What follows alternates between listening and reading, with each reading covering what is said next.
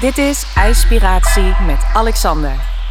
Welkom luisteraars van een nieuwe podcast IJspiratie. En ehm, ja, deze keer ja, ook, ook niet live. Hij is live, maar toch ook weer niet.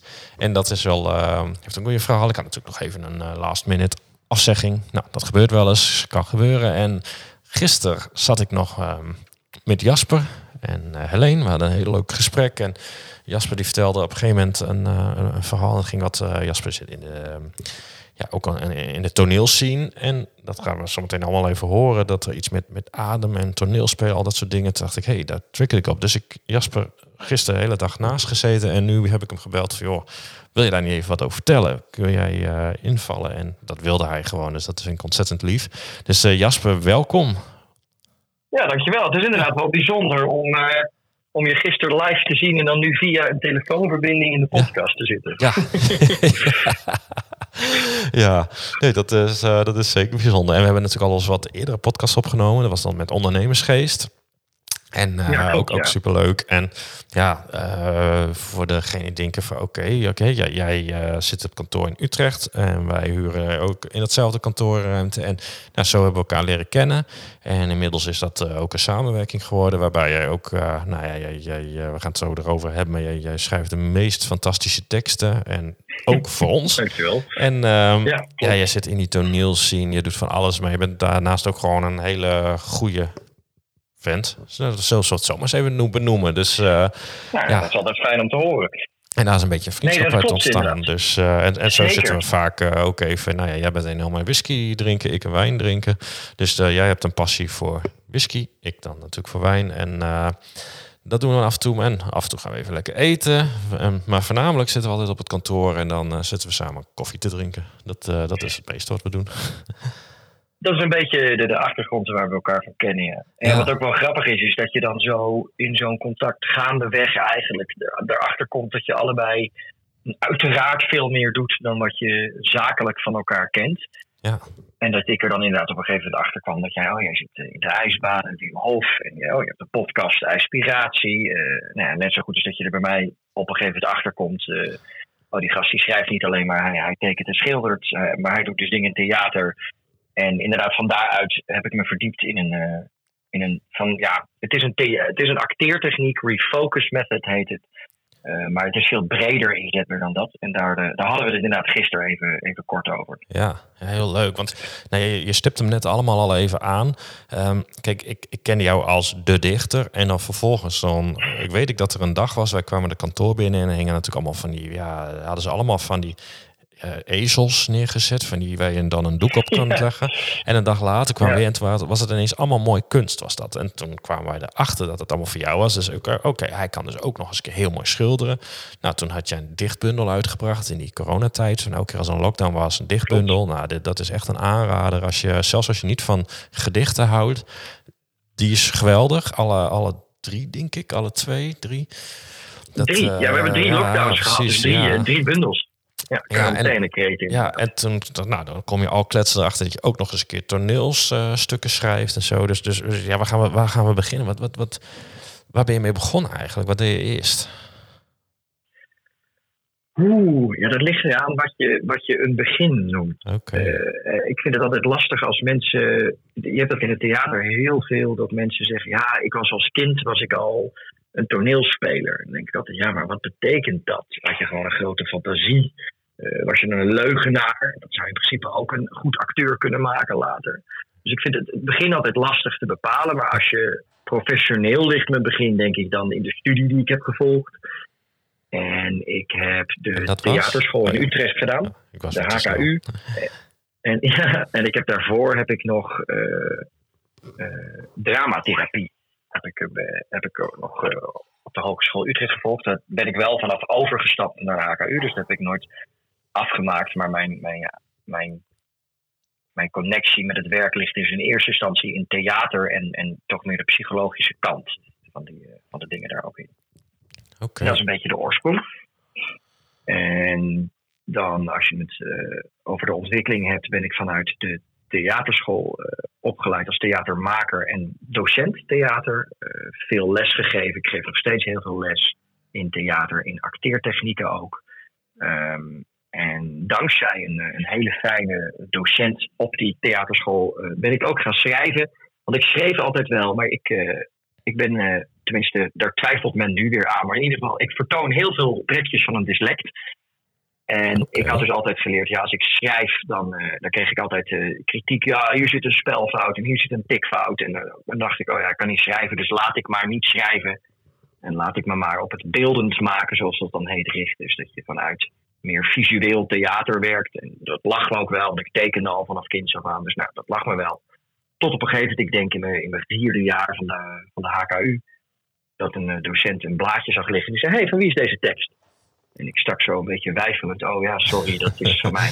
ja, ja, ja. En, hij, en hij zou zo, maar waarom, waarom ben jij een beeldend maker? Je bent een goede beeldend maker, maar je schrijft heel goed. Ja, maar ik eh, ben dyslectisch. En toen zei hij de woorden die mij voor altijd over de streep hebben getrokken. Ja, maar dat hoor je toch helemaal niet op het podium? En toen dacht ik, ja, dat is ook zo, ja. Waarom doe je dat niet? Ja.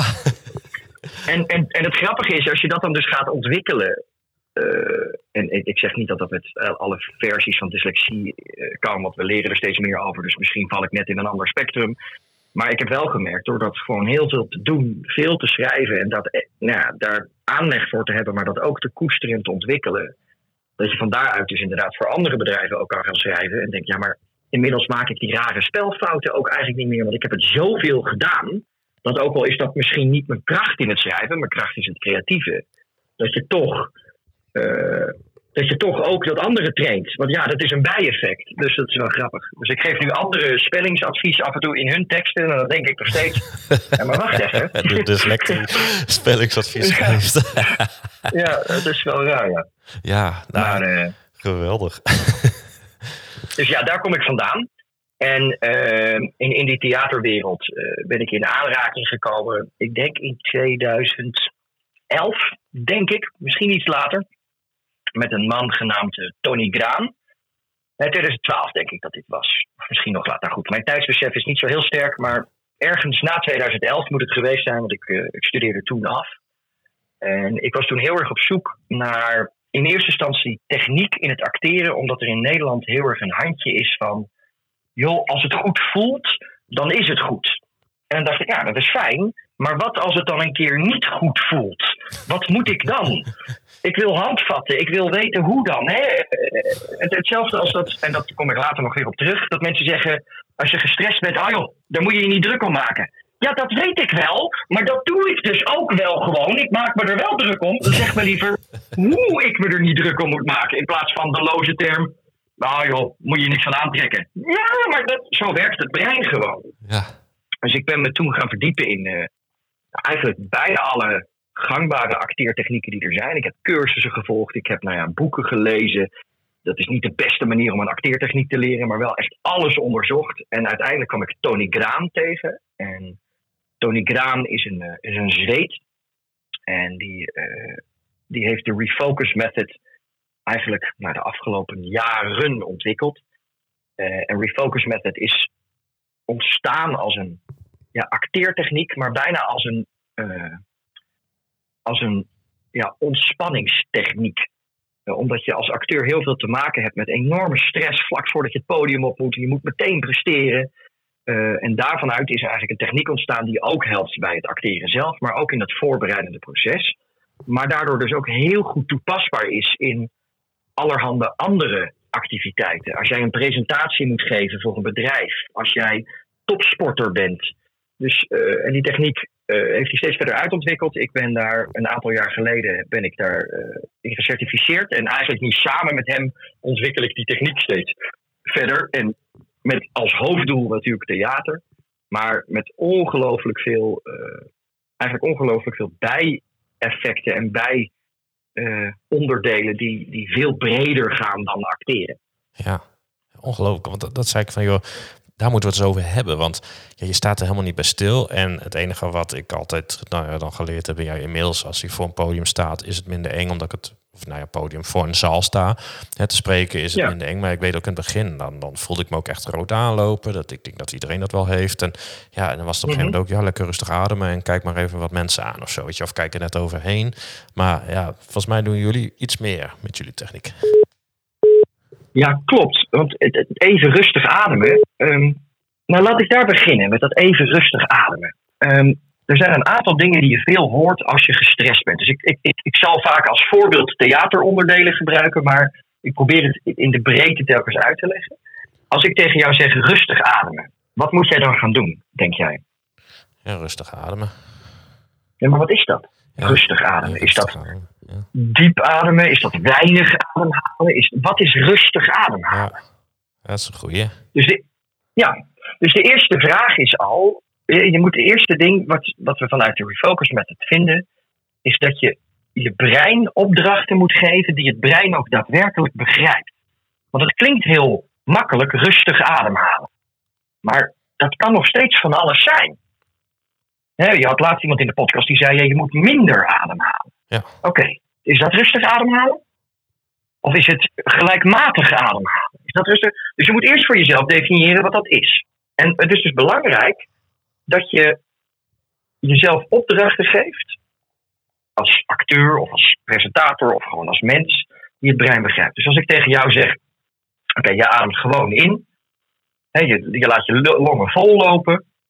Je hoeft er niets mee te doen. Je kan zelfs liggen, dan voel je dat het automatisch gaat. En als je uitademt, laat het maar blazen. Je hoeft niet, je hoeft niet te duwen. Je hoeft het gewoon alleen maar leeg te laten lopen. En dat doe je op een ineenstorting. Dus je mag al je spieren, mag je daarin proberen zoveel mogelijk los te laten. En dan kiest je lichaam vanzelf wanneer je weer inademt. Maar nog los van die inademing, als je zo zit.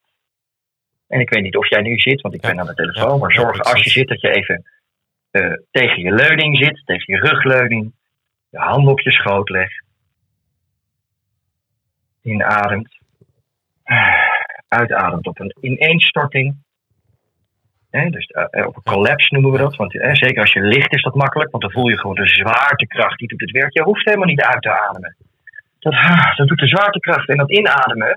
Het is maar goed dat je daar niet over na hoeft te denken. Want dat doet je lichaam ook vanzelf. Want anders als je zou slapen, dan zou je direct ook daarna stoppen met leven. Dat gaat automatisch. Ja. Dus dat ademen parkeer ik even, kom ik later op terug. Maar als je zo zit, dan kun je als het ware je lichaam doorgaan in gedachten. En al je spieren langs gaan. En het enige wat je doet, is je checkt, heb ik ergens spanning? En kan ik die spanning loslaten? En het kan helpen dat te proberen op een uitademing te doen. Dat je En dan check je, heb ik daar nu nog die spanning of niet? En heb je daar die spanning nog? Is geen enkel probleem. Dan heb je daar schijnbaar spanning. Maakt ook niet uit waarom.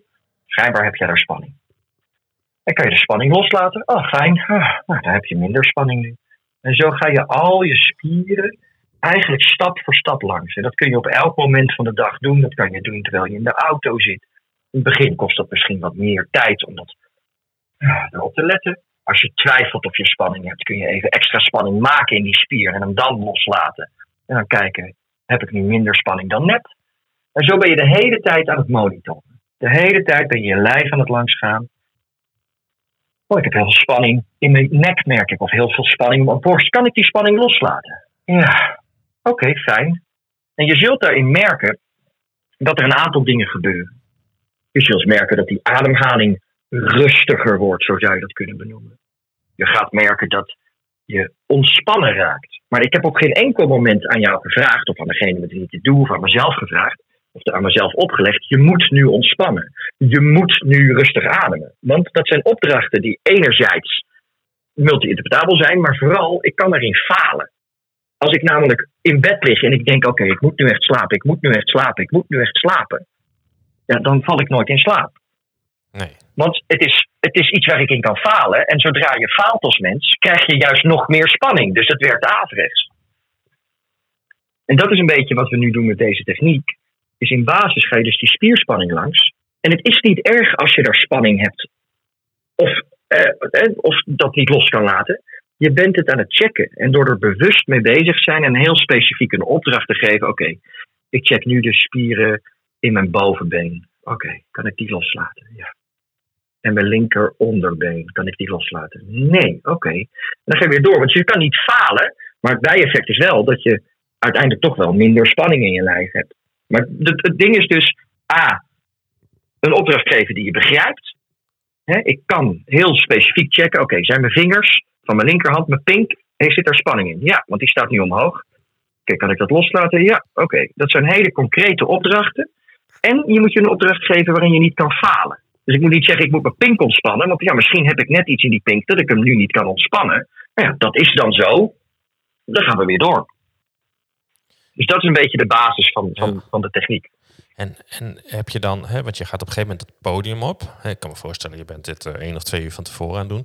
Maar moet je dit ook nog vlak voor je dat podium op doet? Of, of gaat er dan wat anders gebeuren? Want ik kan me voorstellen dat je dan toch weer even die, dat die spanning even omkomt. Je hebt natuurlijk een deel gezonde spanning, maar ook eh, Nee, het zenuwachtige. Nee, maar natuurlijk. Maar eh, dat is ook het idee dat spanning verkeerd is. Kijk, ik doe dit. Dit find and release tension noemen we dat in. in- Want het is natuurlijk ontwikkeld met iemand die niet Nederlandstalig is. En ik ben niet Zweeds. Dus bijna alle terminologie is in het Engels. Ehm, ja, eh, maar find and release tension. Hè, vind spanning en laat spanning los. Dat is het spelletje dat je de hele tijd aan het spelen bent. En ik ben dat continu aan het spelen. En ik kan dus ook vlak voordat ik opkom merken. Oh, grappig. Of tenminste niet eens grappig. Oh, ik heb meer spanning in mijn linkerschouder. Kan ik die spanning loslaten? Nee. Oké, dan heb ik meer spanning in mijn linkerschouder. Dus ik ervaar wel de spanning, maar niet als een oh shit, ik ben gespannen, ik moet dat tegenhouden. Want tuurlijk ben je, als je opkomt voor een publiek, meer gespannen. Is maar goed ook, want dat maakt je scherp. Ja. Eh, dus dit is niet erg. Je moet alleen het oordeel er eigenlijk afhalen. En kijk, als je dan gaat naar echt. Nou ja, omarmen, maar dat, dat is ook weer. Wat betekent dat omarmen? Ja. Hoe omarm ik mijn spanning? Of accepteren. Ja, oké, je zou kunnen accepteren. Het, het is inderdaad feitelijk, het is zo. Oké, punt. Daar, daar, daar leg je het neer. En dan ga je weer door met het volgende. Dan kan je, oh, die spanning kan ik wel loslaten. Oh, leuk. Nou, prima. Het is ook goed dat je bepaalde spanningen niet los kan laten. Want dan zou je op een podium in je eh, broek staan plassen of zo. Dat, dat, het is goed dat daar spanning zit op een gegeven moment. Eh, ja. ja. Ja. Maar wij kunnen heel erg vanuit de oertijd in ons brein onze spieren heel goed controleren. Want van oorsprong, toen we nog beestjes waren, waren er drie dingen die we moesten doen. Dat was eten, vechten of vluchten en voortplanten. Dat is eigenlijk alles wat we moesten kunnen. En dat is puur een spierding. En alle andere lagen van een soort bewustzijn, van emotie, van, die zijn er allemaal, zijn we er later overheen gaan verklaren. We verklaren, oh ja, ja, ik was wel, eh, ik was bang, want, nou ja, ik voelde die spanning en dan merkte ik wel dat ik bang was. Maar ja, dat komt heel erg, ik heb een angst voor mensen of zo. En dat is een heel verhaal waarbij mensen heel goed in zijn om dat er overheen te leggen. Maar in de basis is alles een spierspanning. Als jij boos bent, dat is een spierspanning. Je kan niet boos zijn terwijl je volledig ontspannen bent. Dat kan niet. Er zit een bepaalde hè, eh, eh, spanning in je kaaklijn of een spanning in je armen. Hè, Je kan niet bang zijn zonder spanning. Als er nu bij jou een tijger binnenkomt lopen, dan hoop ik dat jouw eerste reactie een spierspanning is, want anders ben je dood. Ja. En, dat, en die spierspanning vertaal jij later als: ik was bang. Ja, maar de eerste reactie is niet: oh, een tijger. Oh, dat is potentieel gevaarlijk. Laat ik eens opstaan. Nee, de eerste reactie is ongeveer: je zit boven in je stoel. Oh, Omdat je een, een wild beest binnen ziet lopen die er niet hoort. Ja, je omschrijft het wel mooi. En- ja, nou ja, goed, dat, dat ja, is een dat beetje de basis. Ja, en dan, dan, dan, ga- dan, dan ja, ik zeg één dingetje, dan maak ik het, ook het bruggetje naar dat, naar dat schrijven. Want, want nou ja, is- bij mij zijn ze ook altijd van, joh, je, je, je lacht altijd, je kijkt wat vrolijk. En, en, en zeg ik, ja, maar dat is ook gewoon, weet je, ik ben liever lui dan moe. En ik heb eens een keer gelezen dat als jij vrolijk kijkt, dan verbruik je minder spieren en dus ook minder energie dan dat je boos kijkt. Dus ik dacht, nou, dan ga ik maar vrolijk kijken, want ja, dat, goed, dat scheelt weer energie. Dus het was gewoon, eh, ja, lekker makkelijk en eigenlijk een beetje wat jij nu ook eh, wel schetst. Hey, en, en dan, dan maak ik even dat bruggetje naar, hè, wat ik al zei, je omschrijft dat mooi, want je kan gewoon heel mooi schrijven. Jouw gedichten, ik heb je al vaak gezegd hoe dat in jouw hersenen werkt. Ik heb geen idee, maar goed, daarom ben jij ook een kunstenaar en ben ik heel iemand anders. Ehm, nou, Ja, als ik met jou praat over bedrijven en ondernemerschap, heb ik ook geen idee hoe dat in je hoofd werkt. Ja. Ja, ik denk oké. Ook Ik, ik, ik, ik zit soms met jou in gesprek en dan, dan zie je zoiets fonkelen in jouw ogen. En dan denk ik, ah, hij heeft weer een bedrijfsplan ergens bedacht, volgens mij. Ja, ja, ja, ja. voor mij, ja, wat precies. Dat is voor mij dan vaak weer logisch. Want er komen mensen hier met vragen en dan zeg je, oh, dan doe je even dat en dat. En dan zit ze aan te kijken. ik, oh ja, maar dat, ja, dat heb ik dus heel erg met ja, kunstenaars. Ik ben een van de weinige kunstenaars. Nou, misschien zonder dat ik dat beledigend bedoel, natuurlijk voor de andere kunstenaars. Maar heel veel doen, hè, die hangen van subsidies in elkaar. En je hebt degene die, die eigen mhm. broekriem uh, ja, je eigen broek ophoudt. Ja, broek ophoudt. Ja. ja. En nou ja, je doet dat ook onder andere. Ja, je, je, je, kan ontzettend mooi dichten. Ik weet dat je eens een keer een, een, een heel gedicht had over. Want jouw gedichten hebben altijd toch een, een, een of kwinkslag, iets met humor, iets, nou, iets leuks. Daarom zeg ik ook gewoon, ja, je, zou jouw uh, dichtbundels echt moeten kopen. Want het is gewoon leuk. Bijvoorbeeld dat je dat gedicht had over nou, dat je aan het strijken was en zo. En dat je daar op een gegeven moment achter kwam dat er uh, twee uur van je tijd waren verstreken. Weet je, dat je denkt, hoe kom je erop? Iedereen kan het bedenken, maar niemand kan het zeggen of zo. Weet je, dat je denkt, hè, het zijn allemaal gewoon woorden die er zijn, maar koppel ze maar aan elkaar en maken maar dat gedicht van. En soms, ja, als ik gedichten lees van, van mensen, en ook al zijn het hele grote dichters, en ik af en toe van ja, ja, ik weet het niet of wat hier nou staat, dat had ik zelf kunnen doen. Maar dat heb ik bij jouw gedichten dus eigenlijk nooit. Maar ja, en, en, sterker nog, het bracht jou tot de radio. Kun je daar wat over zeggen? Want jij bent, uh, jij bent ook gewoon bekende Nederlander. nou, dat zou ik absoluut niet zeggen. Hè. Want het tijdstip dat ik op de radio ben, uh, zijn de meeste mensen die zijn niet wakker. Ja. Maar dat is inderdaad zo. Ik, uh, ik heb die bundels uitgebracht, um, veel geschreven. En nou, ik, ik, denk inderdaad wat je zegt. Ik, ik, heb, ik schrijf redelijk toegankelijk. Uh, dat betekent niet dat ik ook dat ik zwaarte vermijd en dat ik ook af en toe best wel abstracter kan zijn. Maar inderdaad, in de basis wil ik gewoon een, een gevoel delen. En mijn hoofd werkt daarbij nou ook nog eens een keer. Ik was vroeger dat irritante jongetje dat 30 keer woordgrappen overal in hoorde. Eh, dat was vroeger irritant en nu is het deel van mijn vak. Ehm, maar ja, dat is inderdaad. Uh, die boeken die, nou, die zijn best wel leuk opgepakt. Ik had een kantoortje in die tijd in een oude gevangenis. En uh, ik had een buurman, die was ook schrijver, Ronald Giphart. En nou, ik heb eh, een boekje aan hem gegeven. Er stond op een gegeven moment een soort ruil dat als ik iets nieuws uit had, dat ik het aan hem gaf. En als hij iets uit had, dan, uh, dan gaf hij het weer aan mij. En dat is bijgebleven. En hij is ook DJ bij Radio Veronica. En op een gegeven moment zaten ze met een nieuw programma-onderdeel. Dat ze wat, wat dichters eigenlijk wilden uitnodigen in de nacht om een, een, gedicht voor te dragen op de radio. Nou, daar ben ik bij uitgenodigd. En dat klikte dusdanig dat ik dat eigenlijk met, met regelmaat ben gaan doen. Tot op het punt dat ik ook gewoon soms live in een uitzending aanwezig ben. En alles wat er gebeurt. Dus er is iemand die een boek heeft gepresenteerd. Die interviewen we. Of die interview ik dan wat minder. En dan na dat interview komt er een liedje. En dan heb ik een gedicht geschreven over die persoon. Of over dat interview. Of over iets wat er in het nieuws was. En ze noemen dat dan live action poetry. Schijnt. Wist ik ook niet. Maar dat is wat ik een beetje bij de radio doe. Ja, ontzettend leuk. Ja.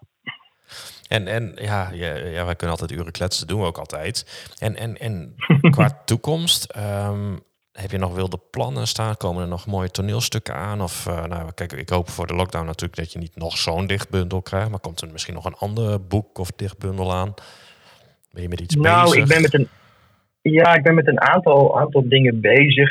Uh, ik heb een, uh, een echt wel interessant verhaal geschreven. En dat is een beetje gek. Ik, ik ben best tevreden met veel dingen die ik maak, maar ook altijd kritisch. En het is moeilijk om over jezelf te zeggen, joh, ja, ik vind dit echt goed. Maar dit verhaal, dat vind ik zelf echt goed. Dat is wel uitzonderlijk.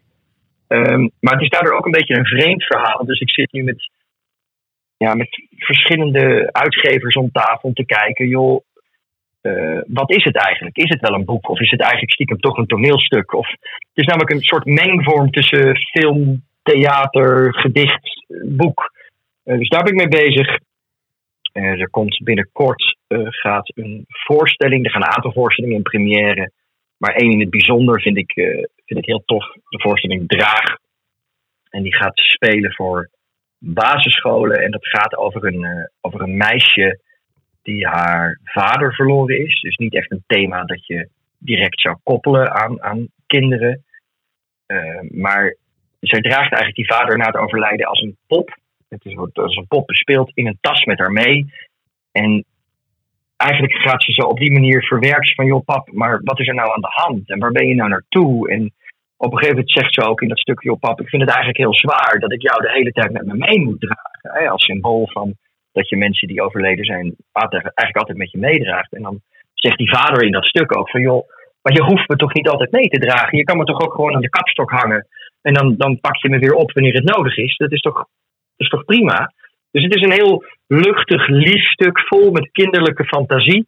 Voor basisscholen, maar dan wel over het onderwerp uh, verlies. Ja. Uh, dus daar ben ik ook wel heel blij mee dat het komt. En ik vind het zelf heel belangrijk, want nou ja, bij volwassenen wordt er overheen gepraat, maar bij kinderen helemaal. En uh, ik kan dat behoorlijk uit ervaring zeggen. Mijn, mijn vader is overleden toen ik vier jaar oud was. En ik weet nog wel dat ik nou, eigenlijk tot aan mijn, denk tot aan mijn negentiende, twintigste of zo, als dan mensen het over mij en jouw vader dan zei, nee, mijn vader die leeft niet meer, dan was ook direct het gesprek klaar. Dan zeiden mensen, oh, oh, oh, sorry. Ja, en dan was ook het gesprek dood. Ik denk, ja, mijn vader is al dood. Dan hoeft dit gesprek niet ook nog dood. Wat, wat is dit? Uh, en ook op de basisschool, ik had een hele lieve juf, dus er werd wel aandacht aan besteed. Maar dan, ja, er werd vooral niet te veel en je moet er niet te veel over praten, uh, natuurlijk. En je moet er ook niet continu over praten, dat is niet gezond.